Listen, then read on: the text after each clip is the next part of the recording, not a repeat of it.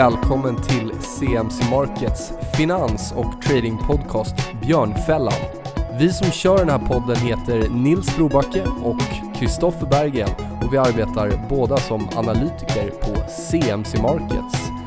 CMC Markets är nätmäklaren som riktar sig mot dig som är intresserad av aktiv handel. Vi erbjuder handel i CFDR på aktier, index, råvaror, räntepapper och valuta i fler än 10 000 produkter världen över.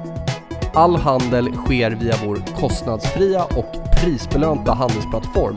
Vi finns nu i 17 länder och är börsnoterade på London Stock Exchange.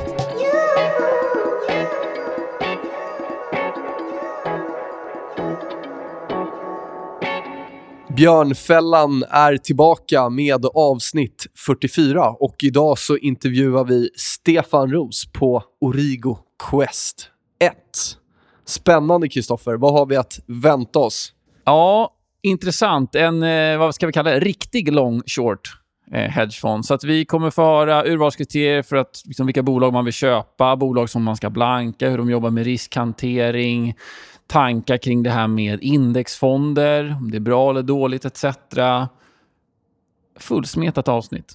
Kul, kör vi igång.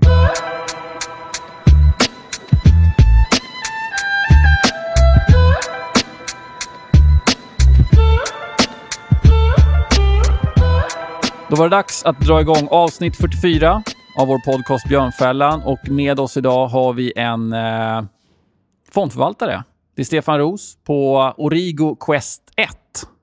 Så vi ska prata lite long short strategier idag och annat spännande. Välkommen.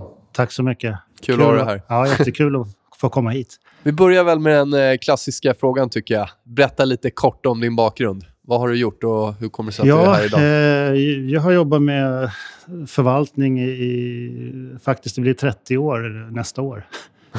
Det är ganska lång tid. Eh, jag var 20 år på Handelsbanken som i princip hela tiden småbolagsförvaltare. Så när jag började på Handelsbanken Fonder, då var, då var fondbranschen var väldigt, ganska liten i Sverige. Det fanns allemansfonder och, och lite andra fonder. Men det var, det var liksom i, i begynnelsen, när det började ta fart. Vissa, jag kommer ihåg, vissa hade inte ens, man hade inte jämförelseindex. Eh, eh rapporterna beskrev ingenting om hur fonderna gick och så vidare. Så det var på den tiden. Och då, jag började ganska snabbt fascinera mig mer för småbolagen. För jag tyckte det fanns mer att hämta där ifall man gjorde egen hemläxa. Hur såg mandatet ut där? Vad... Eh, ja, det, var ju, det, det, är den som fortfarande finns, Handelsbankens småbolagsfond. Ja, det är den, alltså. ja, ja, Så det var ju en, en publik, eh, liksom väldigt viktig fond. Och, det, så den, och den växte ju fenomenalt under de åren. Dels för, för att förvaltningen gick bra, men också inflöden och hela liksom fond frammarschen som skedde i Sverige. Idag är ju småbolagsfonderna gigantiska fonder hos alla banker. Så att, men den, den eh, jobbade jag med ungefär 15 år. Uh, och sen var jag Sverigechef några år och sen gjorde jag ungefär samma resa på SEB uh, sex år. Där jag var Nordanansvarig och förvaltade även där småbolagsfonderna. På bankerna där, har det alltid varit long only Ja, det har varit, long, ja, det har varit long only eh, och lite derivat och annat har jag hållit på med också. Men inte korta affärer, inte blankningsaffärer. Hur såg urvalet av bolag ut på den, på den tiden? Jag var, jag var och är fortfarande ganska mycket liksom kvalitetsaktieförvaltare. Så att jag, jag, var noggrann med att hitta liksom starka marknadspositioner, eh, bolag som har track record. Sen gärna att de är billiga också. Då, då, då måste det ha hänt någonting dåligt så att de har blivit billiga. Eh, men i grunden så letar jag efter bra bolag med värdepotential. Men fanns det fler eller färre om du jämför med hur det ser ut idag? Ja, Antalet så, eh, bolag? Eh, det var nog lite fler tror jag. Jag har faktiskt inte tittat på det exakt. Men min känsla är att det fanns väldigt mycket små, små, små bolag. Eh, det har ju varierat. Ett har fanns det otroligt mycket fastighetsbolag. Och nu har, nu, nu är det, sen försvann nästan alla fastighetsbolag och nu är det mycket fastighetsbolag igen. Och IT-bolag fanns ingenting när jag började. Sen var det plötsligt den största sektorn runt eh, eh millenniet. Då fanns det kanske 50 IT-bolag plötsligt på börsen. Och nu vet jag inte riktigt, men det kanske är 20 eller... Så det, det har det är varierat. Men jag skulle gissa att det har legat runt 300 bolag på börsen. Mm. Du var inne lite där på filosofin och liksom vad du är ute efter. Skulle du kunna gräva lite djupare i det? Vad, vad är det ni tittar efter i fonden idag för att liksom göra en investering? Ja, eh, en sak som var ganska viktig för mig, det var kanske 10-15 år sedan. Man började se i många fall att bolag köptes ut från börsen. Och då sa ofta de som köpte ut, det var ju ofta riskkapitalbolag eller någon annan grupp eh, liksom som tog tag i det. Då, då sa de ofta att det här bolaget passar inte på börsen. För att det har, det har ett antal problem och eh, eh, vi, vi, vi, behöver liksom ta bort det från börsen och, och åtgärda de här grejerna. Sen möjligtvis att det blir en IPO om, om fyra, fem år igen. Och sen såg man ju där när man jobbat länge som jag att de där bolagen kommer tillbaka så småningom. Men kanske på tre, fyra gånger högre värdering. Och det var ju samma bolag, men de hade gjort ett eller två tilläggsförvärv. Man hade gjort ett kostnadsbesparingsprogram. Och jag blev mer och mer frustrerad över det där, för jag kände att det är den där resan jag vill vara med på. Inte resan när de kommer tillbaka till börsen och har liksom en hög multipel och marginalerna är på toppen igen. Så det var lite en viktig grej för mig att känna hur, hur ska man kunna förvalta och få vara med på den här riktiga förändringsresan som ibland uppstår. Och det, så att jag letar egentligen, eller vi letar på Rigo efter bolag som är i grunden jätteintressanta men där det behövs göras massa åtgärder av olika slag. Liksom mer företagsspecifika åtgärder, inte, inte liksom utomstående saker som ska hända. Makro och sånt är ju bra om det blir bättre också men jag vill hitta bolag som gör egna saker som förändrar bolagen. Men är det att du försöker, hur, hur hittar man då bolag som behöver göra åtgärder så att säga? För det känns som att då behöver man vara ganska väl insatt i bolaget för att kunna hitta det. Gör ni någon screening på olika saker för att liksom vi har, koka vi gör, ner? Ja, vi gör lite screenings, men i huvudsak är alltså att 90 procent är att vara ute och träffa bolagen och träffa ledning och styrelsepersoner och, och diskutera frågor. Och, eh, man får ett litet halmstrå. Man kanske har varit, varit på ett bolagsbesök och så hör man talas om att ja, branschen sakta förändras. Vi glider över mot ett ny nisch eller så. Nå någonting dyker upp som gör att det där var intressant, det där måste vi gräva mer i. Och sen träffar vi ett antal personer och försöker testa vår idé med kanske styrelsen. Är det här ett möjligt spår? Och, och till slut så, jag menar oftast så blir det ju ingenting. Men, men eh, var, var, var, eh, jag vet inte, var tjugonde gång kanske det känns att det här är ett klockrent case för att gå vidare med. Så det blir ju väldigt mycket gräva och leta och och få med sig andra personer. För att vi kan ju inte bestämma själv att ett bolag ska förändras. Det är ju mm. ändå styrelse, ledning och andra aktieägare som måste vara med. Så att, eh... Det är ju då eh, så att säga långa positioner. Mm. Hur ser urvalskriterierna ut om vi tittar på andra sidan, på kortsidan? Egentligen är det väldigt lika. Det är några saker till som stökar till det. Det, det ena är ju lånekostnader. Vi lånar ju aktier för att blanka. Självklart. Eh, så att, och där är det på småbolagssidan är det rätt dyrt. Och i vissa fall är det extremt dyrt. Mm. Uh, vi är bara som, det finns ju några såna här chipstillverkare och andra, uh, eller IT-bolag, de kan kosta 40-50% i lånekostnader. Mm. Och då ska man tro att aktien ska ner 50% för att gå break-even. det, så, så, sånt Svårt gör, att räkna hem. det är jättesvårt att ta det bettet, så, det, så de håller vi oss borta ifrån. Men, så att, men lånekostnaden är viktig, likviditeten är väldigt viktig, för man, händer det saker eh, en aktie kan ju egentligen gå upp hur högt som helst. Ja, det är lite omvänt vad man vill ha det obegränsat på. Ja, man kan, förlusten kan bli hur stor som helst och ju mer aktien går åt fel håll så ju hög, större blir din position. Och så, så att vi, vi vill gärna ha bra likviditet även i kortbenet. Eh, men annars är det samma fundamentala ansats att vi, om vi tittar på ett bolag så upptäcker vi att det, det är förändringar på gång. Men förändringen kanske slår negativt mot det här bolaget. Ofta tänker man att det ska vara en positiv förändring, men det kan ju faktiskt vara så att de är förlorare på det som händer. Och är det i kombination med en hög värdering och kanske en älskad aktie, då, då, så då vänder vi på liksom kuttingen och säger att det här kan vara ett kort case för oss. Och sen, titt, sen tittar vi även på portföljen lite mer. Att kan, vi vill ju att det ska vara en hedge. Fungerar det här verkligen som en hedge? Eh, så att. Eh, men det är inte att ni kör, kör någon form av pair trading, att ni, ja, men ni lång ett fastighetsbolag säger ni, då vill ni hitta någon extremt stark och kanske övervärderad kandidat i den sektorn också och gå kort den? Det kan vara så, absolut. Vi har både rena pair trades och sen har vi rena liksom, alfa-kortningar mm. som ska tjäna pengar på sig själva, så att säga. Men vi har både och. Eh, vi kommer osökt in på nästa fråga här. Eh, har ni systematiserat er modell i någon mån? Eh, då tänker jag till exempel på entry, exit, positionshantering. Eh, liksom, även om ni, jag förstår att ni förvaltar fonden diskretionärt, men hur ser det ut där? Har du systematiserat det risk management-tänket? Ja, vi har ett antal eh, processer kan man säga som, som vi följer efter och har gjort hela tiden. Det ena är att när vi, när vi väl är klara med analysen så tar vi alltid en liten position i, i samband med liksom precis när analysen är klar eh, lite, ja, en entry. För att vara med? För att vara med ja. och känna lite hur, hur, hur aktien känns, hur, hur, finns det flöden bakom och så vidare. Eh, och det, det, bruk, det brukar, för vår del brukar det vara två, ungefär 2% av fonden. Mm. Eh, men målet är att gå upp sen.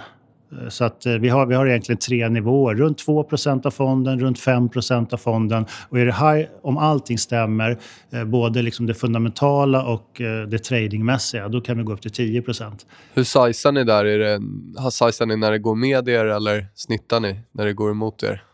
Det kan nog vara lite olika beroende på. Och det är lite skillnad också om det är vi har ju en del större småbolag med väldigt god likviditet. Sen har vi en del väldigt illikvida positioner. Vi, och vi, vi, har, vi har resonerat så att vi kan ta ganska stor likviditetsrisk ibland, men inte, inte liksom hela fonden. Nej. Men eh, 10-15 procent av fonden kan vi ha i väldigt illikvida. Och då, så då, då, då jobbar vi egentligen inte så mycket med liksom size. Och... Har ni en eh, stopplossnivå eller hur ser ni? Nej, vi, nej inte, inte som man definierar stopploss. Utan vi har fundamentala nivåer där vi tycker nu måste vi ta en diskussion igen. Uh, det är ofta liksom långsiktig fundamental kassaflödesvärdering. Uh, så att det är mer en diskussionsnivå. Uh, så att, jag tänker där på de korta positionerna. Nu, nu, så som börsen är, så värderingen mm. som du var inne på också, kan ju, den kan ju bli högre och högre och högre. Och är det kraftigt och starkt momentum så liksom då kan ju saker trenda väldigt starkt. Mm. Hur gör ni där med, med risken då med, med korta positionerna? När är det, har det gått för mycket? så att säga? Vi har ingen liksom matematisk nivå på det, men jag kan ta ett live-exempel. Mm. Vi, vi hade en ganska ordentlig analys på Comhem. Eh, vi har tittat på konkurrensen, vi har tittat på investeringar som de måste göra, vilken kvalitet det är på deras eh, nätverk och så vidare. vi såg en mängd utmaningar för dem. Dessutom en balansräkning som är väldigt stretchad. En företagsledning som vi tycker bara vårdar sin kurs egentligen. Eller inte bara, men de är väldigt måna om att göra återköp vid rätt tillfällen och så vidare. Eh, så vi hade så, så mycket på fötterna så vi, vi tog en ganska stor kort position. Det här är två år sedan ungefär. Och sen började aktien sakta gå uppåt varenda dag i princip och så höll det på så mer eller mindre i två år. Och eh, i vanliga fall så tycker vi att har vi argumenten kvar så, så, så gäller caset oavsett om, om aktien har gått upp eller inte. För det, det är liksom argumenten vi måste ifrågasätta om det har hänt någonting. Vi tyckte inte det. Men när, när vi var uppe på en 6-7 procent, den har gått från jag kommer inte ihåg vad vi riktigt stoppade in från början, men när, vi, när, när positionen blev för stor helt enkelt för fonden, då drog vi stoppen. Eh, så det var lite sent agerat, men samtidigt idag ser jag, nu, nu slutar det med ett bud här från M, eh, Tele2 och mm. Eh, jag är väldigt glad att vi drog den stoppen. Mm. För det är alltid svårt oavsett vilken typ av strategi man håller på med. Någonstans så kan ju saker gå väldigt mycket längre än vad man tror. Då. Absolut. Mm. Och, Eh, eh, man kan införa någon regel, men vi, vi, har, vi har vår regel att vi pratar om det varje vecka. Vi går igenom portföljen på ett veckomöte och försöker vara ärliga mot oss själva. Har det hänt någonting nytt?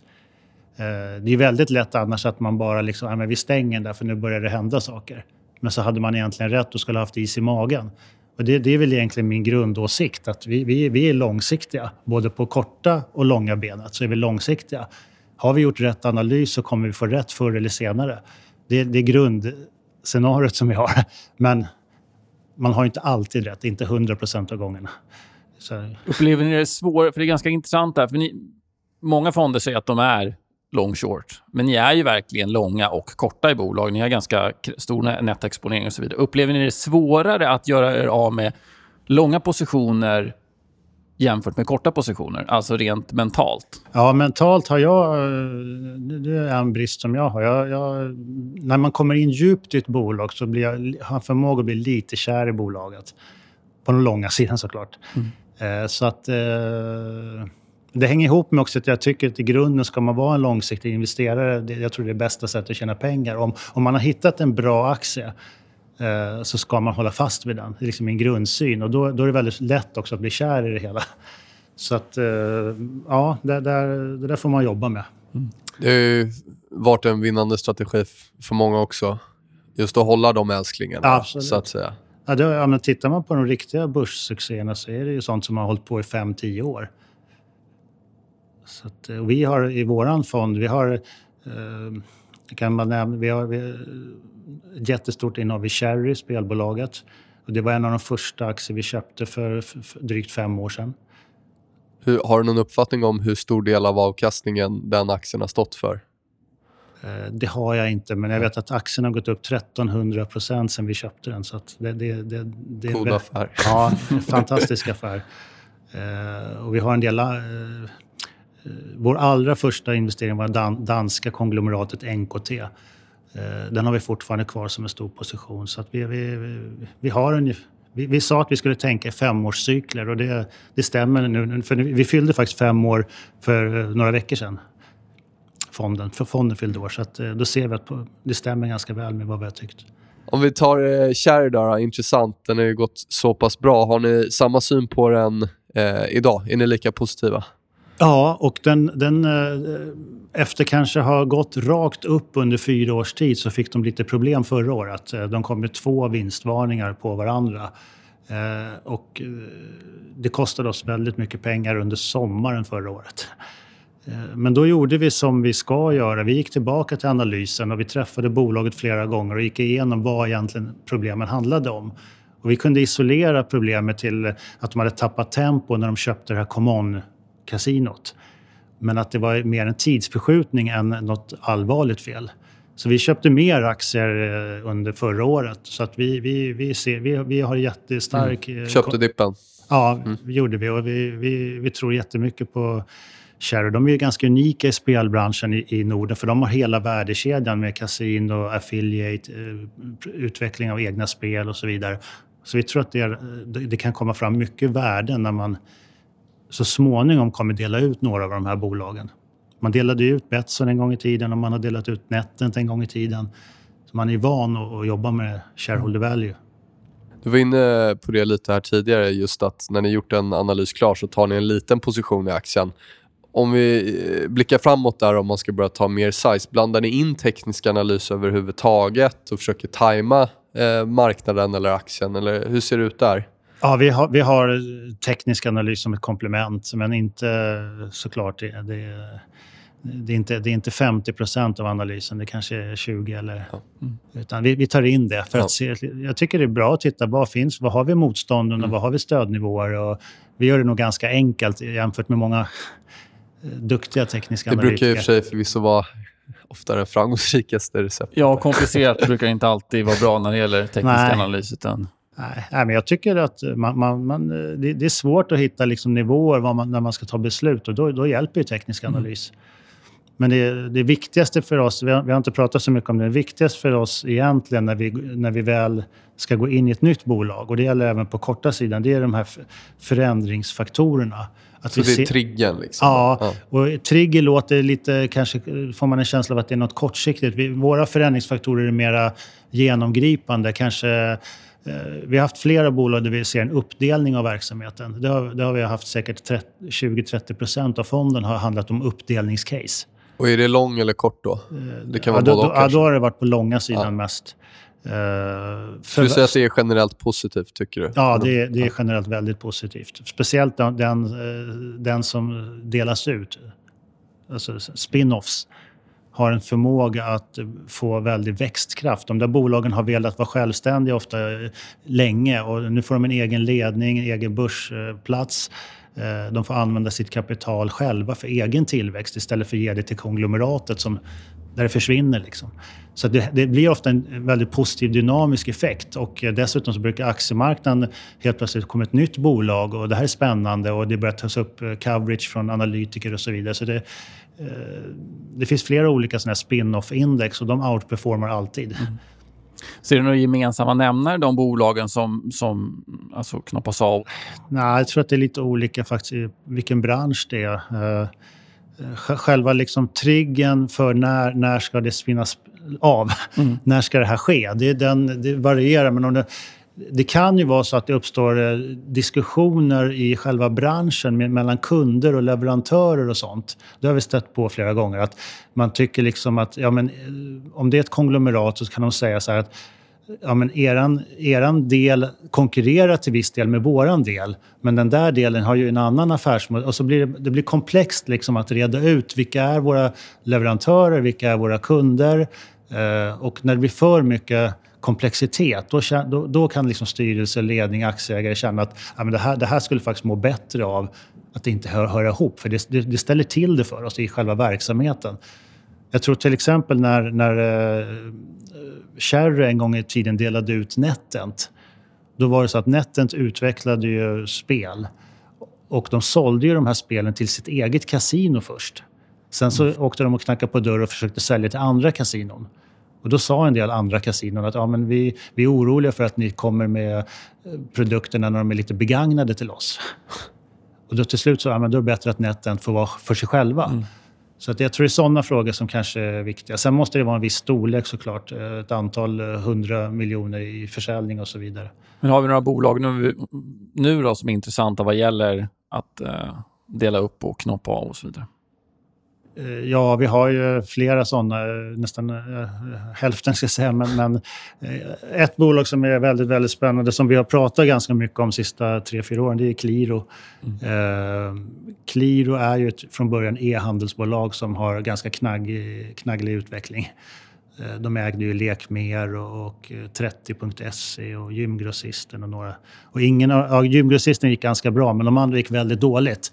Eh, och då, för att få upp lönsamheten startar man Qliros finansverksamhet då, som är lite Klarna lookalike. Och då tanken är att man kan tjäna pengar på betalningarna.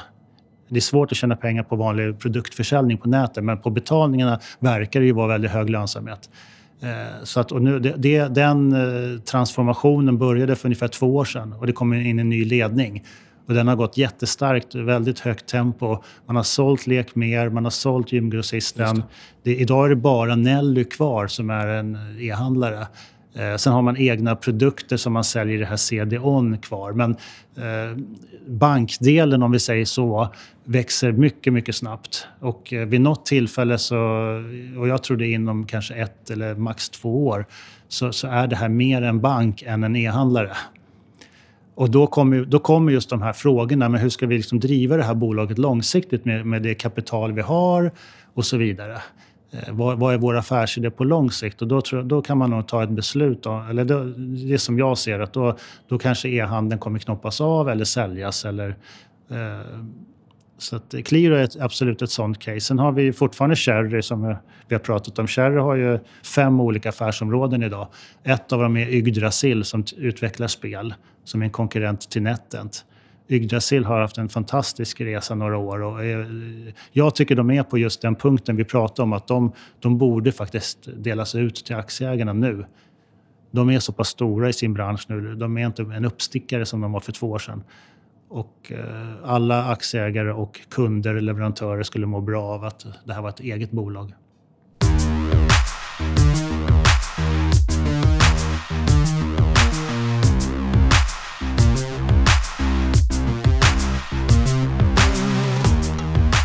Fonden har ju haft en fantastisk utveckling. Ehm, tittar vi på 2017 så var det ett av era sämre år om man tittar på jämförelseindex mm. där. Nu är det förvisso så med drawdowns att man har ju alltid per definition den största drawdownen framför sig. Men, mm. men ni är i er största... Ja, det, det, är lite så det är. Men ni är i er största drawdown nu. Agerar du olika i, i drawdown eller all time high och kan du se att det påverkar dig psykologiskt på något sätt? Man skulle väl kanske svara, vilja svara att man är precis likadan hela men det är man ju inte, inte jag i varje fall. Utan, eh, nej, men jag, jag, vi har under ett år nu som har pågått här, vi har haft lite kämpigt. Vi, har, vi, har, vi stängde upp 2% förra året så det var ju inte någon, något jättedåligt år men det var Verkligen lite mindre än vad vi är vana vid och vad vi vill ha. Eh, nej, men vi frågar, sätter våra argument väldigt, väldigt mycket. Går igenom casen och vi träffar våra bolag ännu mer. Så det, det är egentligen göra mer av, av allt. Eh, eh, det har varit lite trögt i många bolag. Eh, sen, är det, men sen får man tänka också att vad, vad hände egentligen på börs? Eller vad har hänt sista 12 18 månaderna? Det har varit väldigt fokus på konjunkturtillväxten egentligen. Att nu börjar Europa också ta fart. Och, och, Trump har utlovat investeringar och skattelättnader. Och allt det här har mest faktiskt gynnat de stora internationella bolagen. Så vi ser ju, för första gången på fem år så ser vi att large cap har gått mycket bättre än small cap. Eh, och dessutom har vi en tendens till att hitta bolag som är mer domestika. Vi letar ju inte efter makrocase, för det passar inte vår filosofi riktigt. Vi vill leta bolag som gör förändringar. Och då, så vi har, vi har nog relativt sett mer domestika småbolag. Så det, har, det, det är ett segment som har haft ganska klen utveckling faktiskt sista tiden. Men svaret är att vi ifrågasätter oss själva. Hur skulle du se på sharp ratio? Alltid en intressant fråga. Ni har haft en väldigt bra sharp ratio, så riskjusterad avkastning där. Eh, pratar man automatiserad handel eller kvantitativ handel så brukar man ibland nämna det. Eh, låg, sharp, robust modell och, och, hög, sharp, mindre robust modell i mån att det finns lite mer större blow-up-risk. Hur, hur, ser du på sharpen? Är det något som ni tar hänsyn till eller är det mer marknadsförings... Nej, men jag tycker Punkt. själva grund, grundtanken med Sharp är, är jätte, jättebra. Alltså det, det, det, är väldigt många som pratar avkastning men som inte redovisar riktigt vilka risker man har tagit. Uh, så att jag, jag gillar Sharp-kvoten. Sen så är kanske volatilitet i sig inte det bästa måttet. Och, som man Framförallt inte på uppsidan där kan man ju tycka, för det ska ju ändå vara positiv. Det, det, det är bra. Det, upp, ja. upp, uppvolatilitet vill man ju ha. Eh, så att, eh, men jag tycker väl egentligen om man, om man jämför fonder så ska man titta på avkastningen. Och det, vissa som har väldigt hög sharp har, har, har jäkligt låg avkastning, men de har noll i risk. Ja. Det, det tycker inte jag är så imponerande. Om man har liksom 1% avkastning och noll i risk. Eh, så man ska, man ska titta på avkastningen standalone. Man ska titta på volatiliteten, att den är inom ett rimligt intervall som känns lagom för en själv. Och sen ska man titta på korrelationen tycker jag. För då kan man också få en uppfattning hur, hur, liksom, hur mycket är marknadsrörelsen egentligen som, som de har tjänat på. Eh, så att om, om man liksom är hygglig i alla de här tre, man behöver inte vara i topp, för då kan det vara en sån där som du är ute efter lite och då kan det vara liksom en fluga just det året. Men om man är hygglig på alla tre och kanske över en treårsperiod, då, då är man riktigt vass fond. Uh, ja, det var lite luddigt svar, men... Jag tycker det var bra svar. Men nu arbetar ni, om vi ska gå lite mer djupt, vi har pratat om det här med att ni är långa och korta i bolag. Eh, med själva riskhanteringen, vad, jobbar ni någonting med kassa? Alltså att ni ökar kassan om ni förväntar oro. Hur ser det ut där? Ja, vi har ju... Först har vi bruttoexponeringen som på något sätt är själva hävstången i fonden. Så det är en diskussionspunkt. Och, vi, och den, det hänger ju lite grann ihop med hur stark conviction vi har på alla de positionerna vi har. Så är vi väldigt, väldigt övertygade om att vi har en perfekt fond, då kan vi dra upp eh, bruttoexponeringen, liksom själva hävstången i fonden. Mm. Den, den, diskuterar vi på veckomötet. Sen har vi då nettoexponeringen, eh, skillnaden mellan långa och korta. Eh, där, där får vi lite grann in marknadstrenden och liksom det allmänna klimatet på börsen. Eh, så det är också en diskussionspunkt. Var, var, vill vi ha, var vill vi just nu ha nettoexponeringen? Mm. Och där kan vi justera ganska snabbt med terminer. Vi jobbar med i huvudsak aktier lång kort, men vi har även terminer fram och tillbaka för att snabbt justera ifall vi vill det. Eh, och sen har vi positionerna. Eh, vi har ju lite olika branschfördelning och olika storlek på positioner. Vi kan också jobba med det. Så det, det, är ett antal punkter man går igenom. så att säga. Var, var, var känner vi oss bekväma?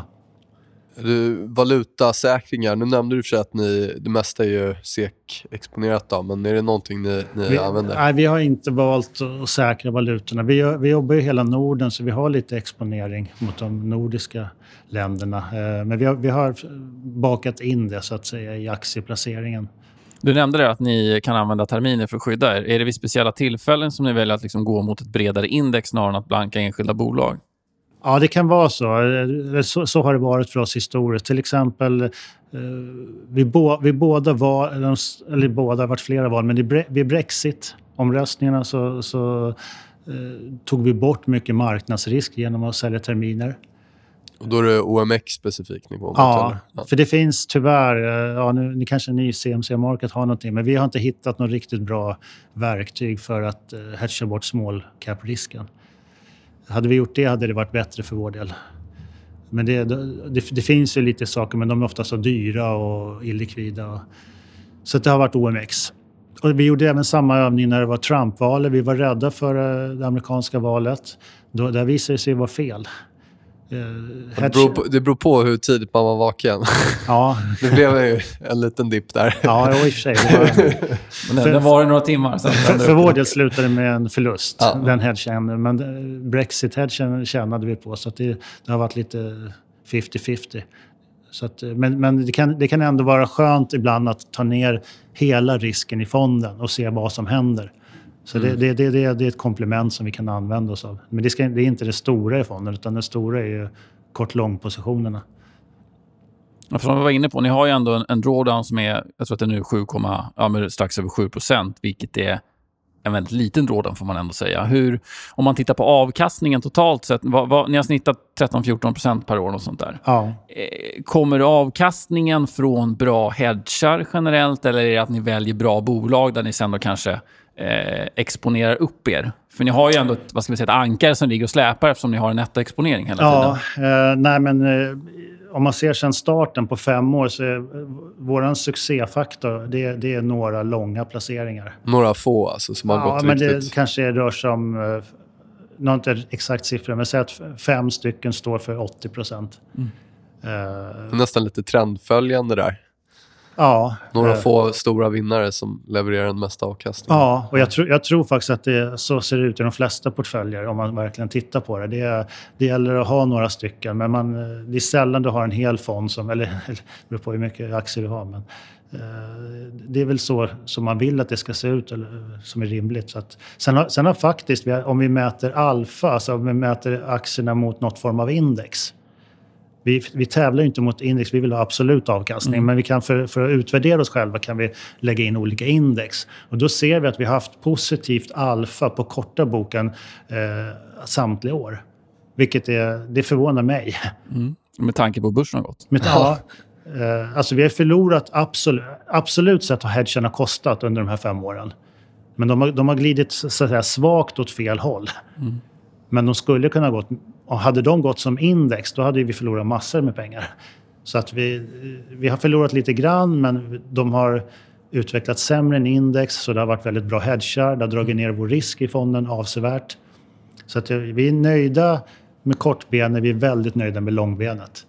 Vi är inte helt nöjda med förra året, för då saknade vi lite det här långa, de här lokomotiven i långa benet. Vi hade, många, eller de här vinnarna stod i princip still förra året. Men det, det, är intressant att du nämner det, att ni nämner, för att ni vill vara långsiktiga, femårs ja. och sånt. Men när man har ett dåligt år, som du var inne på, då börjar man ändå tveka på sin filosofi. Är det här någonting som, som verkligen håller nu eller varför har det förändrats och så vidare. Men de här fem bolagen som du nämnde som stod för mm. en väldigt stor del av avkastningen. Har det varit tillfällen när ni har tvekat om ni ska behålla dem? Ja, verkligen. verkligen. Eh, Qliro som jag var inne på, det, eh, vi började köpa aktien på 20 kronor för eh, ungefär fyra år sedan. Uh, och då var det egentligen ett spel på att e-handeln skulle utvecklas väldigt bra. Och där hade vi ju rätt. Mm. För det, det, e-handeln har väl vuxit med 20-30 procent per år sedan dess. Bara det att Qliros e-handel stod still. Mm. Så vi hade väldigt fel bolagsanalys. Och uh, vi, det, efter två år så tror jag aktien hade gått från 20 till eh, 6-7 kronor. Så det var, det var vår största förlust i fonden för ungefär två år sedan. Men efter flera möten med, vi träffade styrelse, vi träffade ledning, vi träffade andra aktieägare. Det, det är något vi ofta gör, att vi träffar andra ägare och hör hur de, hur de tänker. Och vi, vi, landade då i en analys att eh, det är faktiskt inte e-handeln som man ska värdera riktigt i det här bolaget, utan det är finansverksamheten som man håller på att dra igång. Det är den som det är där lönsamheten kommer finnas. Så, så vi tog ett bett på att ligga kvar och till och med köpa mer aktier. Och eh, se det som ett eh, finansbolag. Och det visade sig vara väldigt bra. Det, eh, det har varit en, eh, ja, den gick från 6 tillbaka till de här 20 kronorna. Nu är, nu är det nere i 15 igen. Men, men visst tvekar man många gånger. Det är långa, det är långa case, så under fem år så händer det, komma, det hinner komma många dåliga och bra rapporter.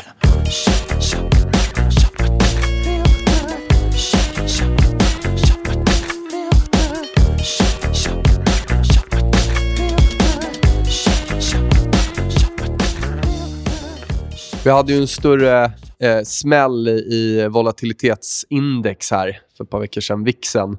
Eh, många menar ju att det här är första tecknet på ett nytt marknadsklimat där vi går från en historiskt låg volatilitet till eh, en större volatilitet. Eh, generellt sett. Då.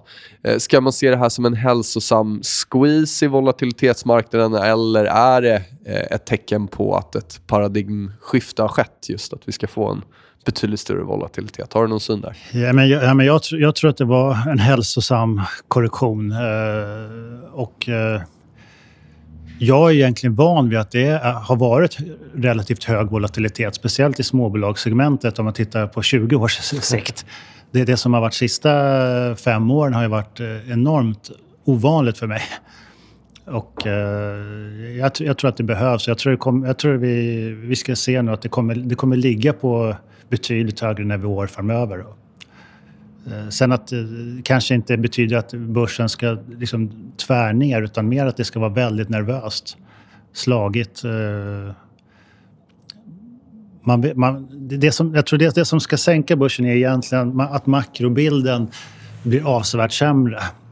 Eller att eh, något, något, man kan fundera lite på om något företag skulle smälla eller så.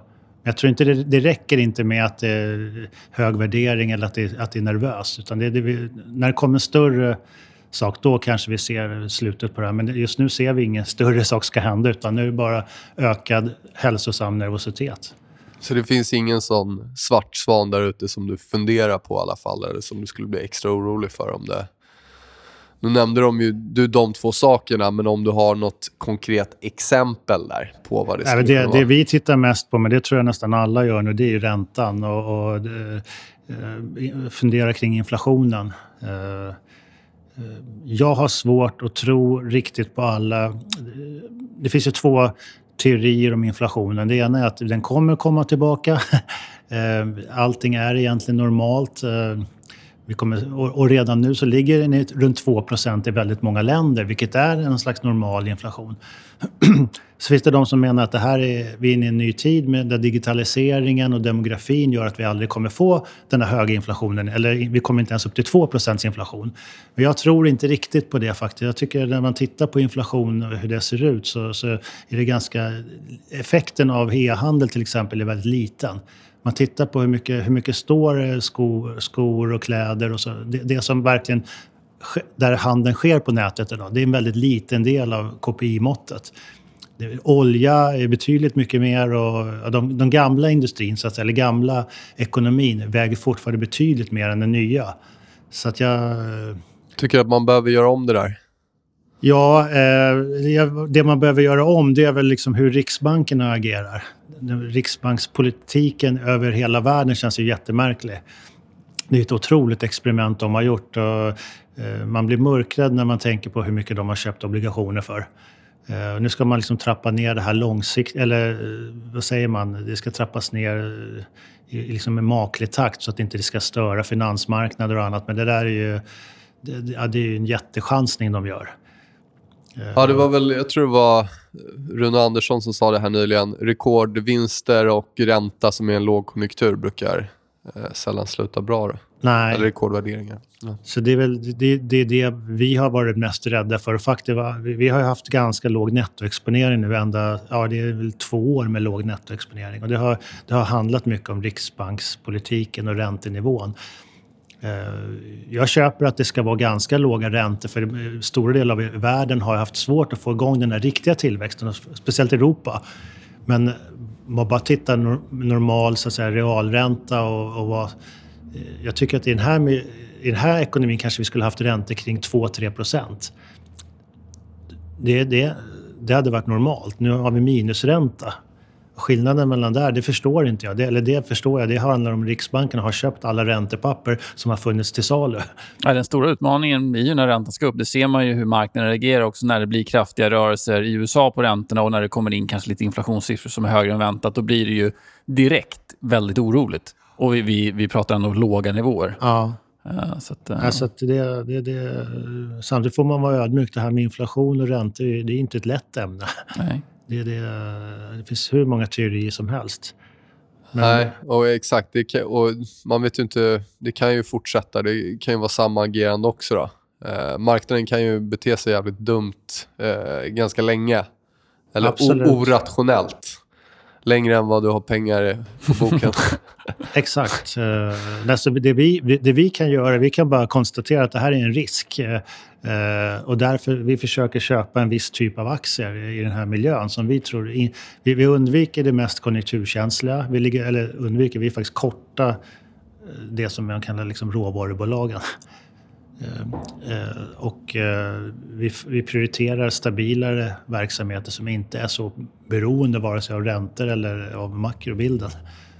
Så det är det vi kan göra. Sen vet vi ju såklart inte hur snabbt räntorna kommer gå upp. Men det är helt, helt klart en risk. Du har varit med ett tag, som du nämnde där i början, och varit med om några krascher och så vidare. Är det någon, speciellt som har, någon speciell incident i marknaden som du känner har gjort dig till liksom en bättre investerare? Ja, jag tror att liksom lite det här tålamodet är jäkligt viktigt när man, när man känner att man verkligen är övertygad om någonting. Och i början när man är ny i branschen så är det ju såklart, man, man tvivlar på sig själv varje dag. Även, även om man har rätt eller man känner att man har tänkt till så när alla andra säger att det, det så kommer det inte bli så är det ganska svårt att ha tålamodet och stå fast. Men jag, jag upplevde till exempel runt millennieskiftet, jag hade inga IT-aktier under 99 och 2000. Jag förstod mig aldrig på värderingarna på dem. Jag försökte verkligen titta på vinster och, och konkurrens och jag gick igenom verkligen grundliga företagsanalyser. Jag fick aldrig ihop det där. Eh, till slut så var jag jättenära på att kasta in handduken. Eh, jag satt med Handelsbankens småbolagsfond och vi hade inga IT-aktier. Och, eh, ni vet hur det var Investerarna ringer och bara, vad är det som händer? Ja, och, och Handelsbanken på den tiden hade ingen IT-fond. Och, och, då, jag kommer ihåg att fondchefen då på den, han, han, gick ut och sa, men vi har en småbolagsfond där det finns jättemycket IT. Men det var att jag hade ingen IT. så jag hade en van, vansinnigt stor press på mig att ha IT-aktier. Ja. Men jag fick aldrig ihop det och sen efter kanske legat utan i två års tid och, och varje dag jag åkte till jobbet fick jag liksom stryk mot index. Jag visste att jag kommer få stryk mot index idag igen. Eh, men jag stod på mig och eh, jag var jättenära att kasta in handduken men jag, jag, nej, det gick liksom inte. Jag, jag, jag fortsatte. Och sen, sen sprack det ju. Och så 2000, ja, andra halvåret av 2000 och sen flera år framåt. Jag tror det höll i sig två, tre år till när, när bubblan sprack. Och då, då var, var du kapp och förbi index? Där. Då var jag kapp och förbi och mer därtill. För jag hade ju väldigt övervikt i verkstadsbolag och sånt som var gamla ekonomin. Och eh, det var inte så att jag vill liksom framhärda hur, hur duktig jag var, men mer att, att våga liksom stå kvar. Och våga, om, du, om man känner att eh, man har tänkt igenom det här och man har faktiskt, man har, det är inte bara en känsla utan man har räknat på det, man har argumenten på plats våga vara långsiktig, våga hålla fast. Det, det, var väl något som jag kände efter det. Så det, det blir lite ett signum för mig. Att jag, det här ska jag försöka upprepa. Det som har gått bra, det ska man upprepa. Det som går dåligt ska man sluta med, så att säga. Men det är intressant att du nämner det, för det är uppenbarligen en styrka. Men du sa också i början att din, en svaghet som du har är att du blir lite väl kär i bolag. Ja, det, men det, de där ligger så nära varandra. det är en väldigt svår balansgång, en väldigt fin balansgång. Ja, exakt. Och det, jag kommer ju från titlarna ligga kvar för länge. Men, med, med så som jag jobbar mm. så blir det ju så att ibland borde man ha klippt bandet. Jag, jag, jag vet ju om att det, det, det, är en brist och det hänger ihop med att jag tror det här att envishet är ganska bra. Men eh, det är svårt att bygga in det där i en modell, att vara envis ibland och snabbfotad ibland. Ja, det är svårt. Eh, man kan ändå säga att er fond är ju aktivt förvaltad. Ni tar ju liksom aktiva bet, ni går in i transformeringar, ni blankar aktivt och så vidare. Hur ser du på den här indexrevolutionen som har svept över världen med indexfonder och ETF, hur det ska kosta 0,0001% i avgift och så vidare? Till en början, så om vi backar liksom tio år sedan eller någonting sånt. Eh, Handelsbanken var väldigt stora på indexfonder och, och liksom, jag såg hur det där intresset började öka. Och jag, ja, exakt var väl i princip först i Sverige? Ja. ja. Uh, och jag tyckte väldigt mycket om det här med liksom alfa-beta-tänket. Att eh, du ska inte ha en portfölj som är någonstans i mellanskiktet som kostar mycket att sköta men som inte levererar avkastning. Utan då, då ska du ha så billig fond som möjligt eller billig portfölj. Sen kan du på, på toppen ta vissa konkreta bett. Så del, dela upp portföljen på det sättet. Jag tyckte det var ett väldigt liksom, klockren sätt att jobba. Så jag, jag har varit positiv till liksom både index och till alfa. Eh, men, men sen tror jag faktiskt det som har hänt sista åren, då, då har index skenat iväg och blivit eh, det har blivit läskigt med alla ETFer och eh, jag kan inte allt om det här men jag ser att det finns mängder med eh, ETFer där man har knorrat till det med någon, med någon liksom matematisk modell. Att man lägger in ett program och sen så de, de ETFerna investerar i andra ETFer och så blir det en kedja av mm. Eh, verktyg som, som var tänkt kanske att vara ett litet, litet hjälpmedel i en fond men som har blivit så stora nu så att de är större än vad de här normala fonderna är. Så att jag, jag, är, jag är ganska rädd för ETFer och, och index nu. Jag tror att det där, det, där, det, är det, det är det som är nya om vi skulle ha en ny nedgång snart. Vi, eller vi kommer få en ny, mm.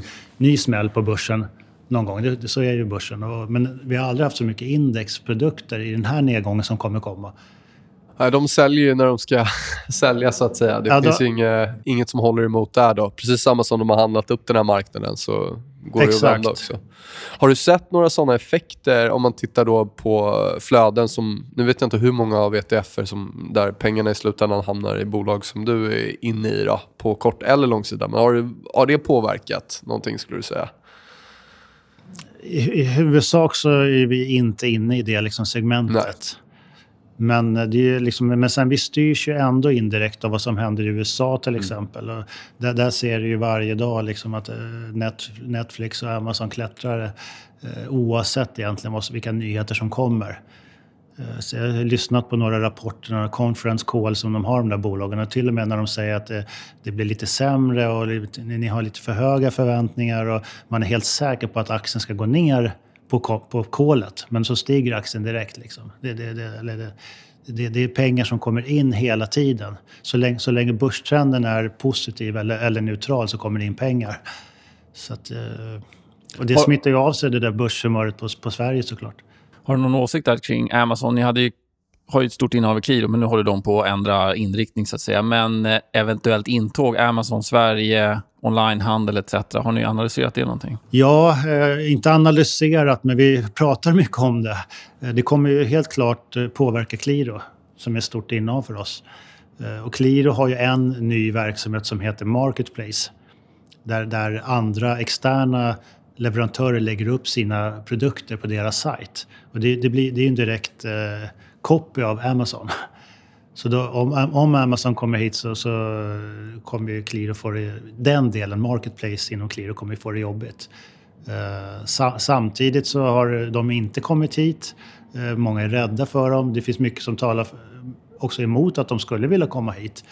Eh, Sverige är en jätteliten marknad, pytteliten. Och jag vet många amerikanska investerare är sura på Amazon för de har lagt för mycket pengar på små marknader. De borde satsa mycket mer på Kina och Indien än vad de har gjort. Så det är en debatt i USA om vilka länder Amazon ska satsa på. då, då, då känns ju Sverige lite märkligt. Och dessutom så logistiskt är Sverige jättedåligt med väldiga, väldiga avstånd mellan städerna. Eh, skulle, man, behöver inte, man kan inte ha ett lager här. Man måste sätta, om man ska ta Sverige på allvar så måste man ha flera handelslager över. Så att det, det finns ju andra länder man borde välja före. Så att, ja. Men eh, vi får väl se. Kommer de in så kommer det kännas, tror jag, för Qliro och för många andra bolag. Ni har ju NAV beräknat på månadsbasis, om jag förstår det rätt. Eh, hur ser du? Finns det några fördelar eller nackdelar där om man skulle ha ett dagligt nav? Då, som kanske Eh, nej, men vi, ty vi, jag tycker att det är en jättefördel att ha månatligt jämfört med dagligt nav. För att eh, som förvaltare och investerare så vill du skapa avkastning och sköta fonden på ett optimalt sätt. Det, det är bra för alla som har investerat i fonden såklart. Eh, och har du månatligt eh, handlad fond så kan du, för, kan du planera. Du vet precis eh, vad som händer under månaden. Du vet hur stor kassa du har att röra dig med och så vidare. Eh, motsatsen blir med en dagligt handlad fond att eh, Eh, du får in och uttag varje dag som du måste sitta och jobba med på daglig basis. Det tar en stor del av dagens tid att hålla på med de här flödena. Och sen är det ju så, det, det värsta är att du får utflöden när det har blivit en ner, efter några dagars nedgång. Då kommer utflöden. Då tvingas du som förvaltare sälja direkt. För du, du måste leverera pengar till de här som har tagit ut. Och eh, då får du sälja på fel nivåer. Eh, de bolag du kanske hade tänkt att sälja går inte att sälja den dagen för det är för, då, det är för, det är för mycket pessimism i marknaden. Så du, du, får sälja de bolag som verkar ganska bra ändå och de, de vill du egentligen ha kvar i fonden. Och sen går det upp igen och då ska du köpa tillbaka allting. Du får stora inflöden. Det här kostar ju ett antal eh, eh, punkter varje dag att hantera. Jag har faktiskt eh, en gång i tiden eh, försökt att få det här till ett studieprojekt på universitetet. Hur mycket kostar det för fondbranschen att eh, hålla på och handla varje dag och erbjuda daglig likviditet? Men vi lyckades aldrig få fram någon bra siffra på det där. Men jag tror att det handlar om flera procentenheter på ett år. Och eh, det är helt sjukt egentligen, för de flesta kunder skulle kanske vara glada att få 5% avkastning eller någonting sånt. Men om, om, de, om man visste liksom att hälften av det går bort i, bara för att man vill erbjuda daglig handel.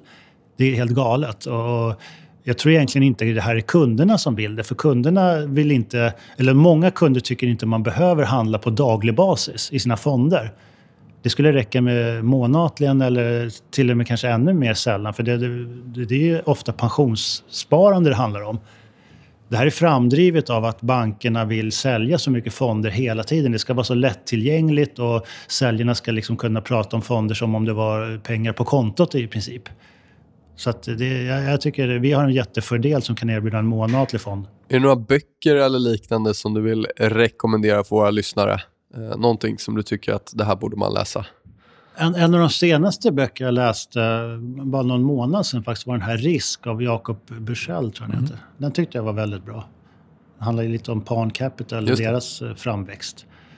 Eh, den, den, var välgjord tycker jag. Bra. Annorlunda mot er förvaltningsstrategi? Helt annorlunda, men jag fascinerades över hur, hur liksom ja, de var ju envisa de där killarna. När, det, när, de fick, när de fick ett problem på bordet, hur löser vi det? Och så verkligen lös, jobbade de med det några månader tills de hade löst det. Så kunde de handla på en ny marknad eller ett nytt eh, värdepapper eller vad det var. Så att jag, jag tyckte den var, den, var, den var lärorik faktiskt. Men sen är de här gamla, min favoritbok från början och fortfarande nummer ett tycker jag, det är den här The Warren Buffett Way. Den är väldigt välkänd så det kanske inte är något nytt boktips men den, är, den tycker jag är liksom grundkurs nummer ett. Den förklarar väldigt bra liksom, fundamental aktieanalys eh, på, på ett väldigt eh, pedagogiskt vis. Mm. Har ni läst den? Nej, jag har några andra om Warren Buffett, men inte SS Warren Buffett. Nej, men ta, den, men... ta den första, Warren, The Warren Buffett Way. Den, den, är, den, den är bäst faktiskt av de där Warren-böckerna. Um, ja, nej, men då tycker jag att vi, vi rundar av den här intervjun. Det har varit eh, fantastiskt intressant. Mycket spännande fakta och många spännande tankar som du har kommit med. Stort tack för att du tog dig tid att komma hit. Tack själva. Tack.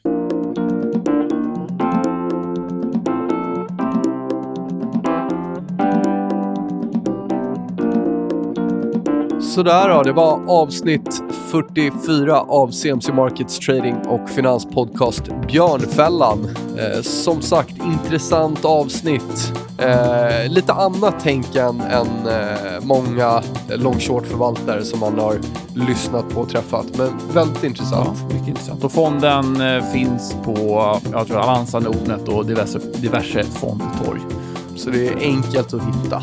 Ja, Frågor, funderingar, tveka inte att höra av er till oss som vanligt. Hashtag björnfällan eller mejla och ring till oss. Eh, missa inte TradeCMC. Som vanligt mycket matnyttigt där. Gästkrönikörer, våra egna analyser, nyheter från Finwire och så vidare. Jag har inte så mycket mer att tillägga. Jag får tacka för er tid. Har du något där, Kristoffer? Nej, jag vill också tacka för tiden. Ja. Annars ingenting. Då säger vi så. Fortsatt trevlig dag. Hej då!